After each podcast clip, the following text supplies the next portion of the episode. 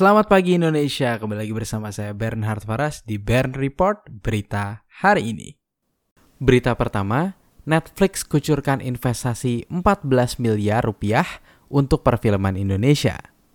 Netflix menyiapkan dana investasi sebesar 1 juta dolar AS atau sekitar 14 miliar rupiah untuk berkomitmen mendukung pertumbuhan perfilman Indonesia. Dana tersebut akan digunakan untuk mengadakan pelatihan penulisan naskah, produksi film, hingga membantu pendampingan untuk tata kelola industri film.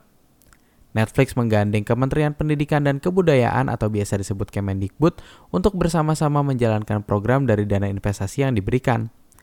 Mendikbud, Nadiem Makarim, mengapresiasi inisiasi kerja yang diusulkan oleh Netflix tersebut karena menurut Nadiem, konsep program kerjasama yang saat ini telah disusun bisa mendukung pertumbuhan film nasional dan membawa wajah film Indonesia ke internasional dengan cara yang mudah dan efisien.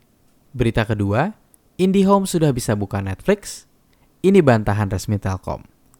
Jakat media sosial Twitter sejak hari Minggu 12 Januari 2020 diramaikan dengan informasi bahwa pemblokiran yang dilakukan Telkom terhadap Netflix telah berakhir. Keramaian ini muncul karena beberapa pengguna IndiHome di Twitter mengaku bisa mengakses layanan Netflix tanpa VPN atau Virtual Private Network dengan lancar.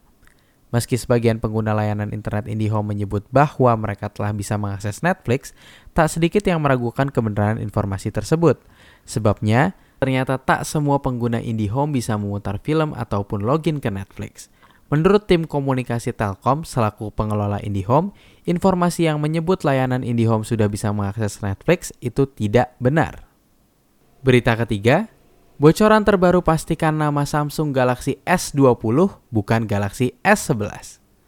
Dapat dipastikan tidak akan ada Samsung Galaxy S11 karena Samsung bakal menggunakan nama Galaxy S20 untuk smartphone flagshipnya yang akan diluncurkan pada 11 Februari mendatang di San Francisco, Amerika Serikat. Menjelang hari kelahirannya yang di depan mata, desain Samsung Galaxy S20 juga sudah mulai bocor pada bagian belakang ponsel, hal yang paling menonjol adalah modul kamera belakang yang mirip dengan modul kamera belakang iPhone 11. Kamera belakang Galaxy S20 ini dikemas dalam modul berbentuk persegi panjang yang terdiri atas 4 kamera, sebuah lampu flash, dan lubang mikrofon. Samsung Galaxy S20 juga tampil bezel-less atau tampilan depan tanpa bezel. Untuk harga, memang masih belum ada informasi lanjutan mengenai hal tersebut. Terima kasih telah mendengarkan Bern Report berita hari ini. Jangan lupa untuk menekan tombol subscribe atau follow dan sebarkan ke kerabat Anda agar kita terus up to date. Saya Bernhard Faras undur diri, semangat dalam menjalani hari ini.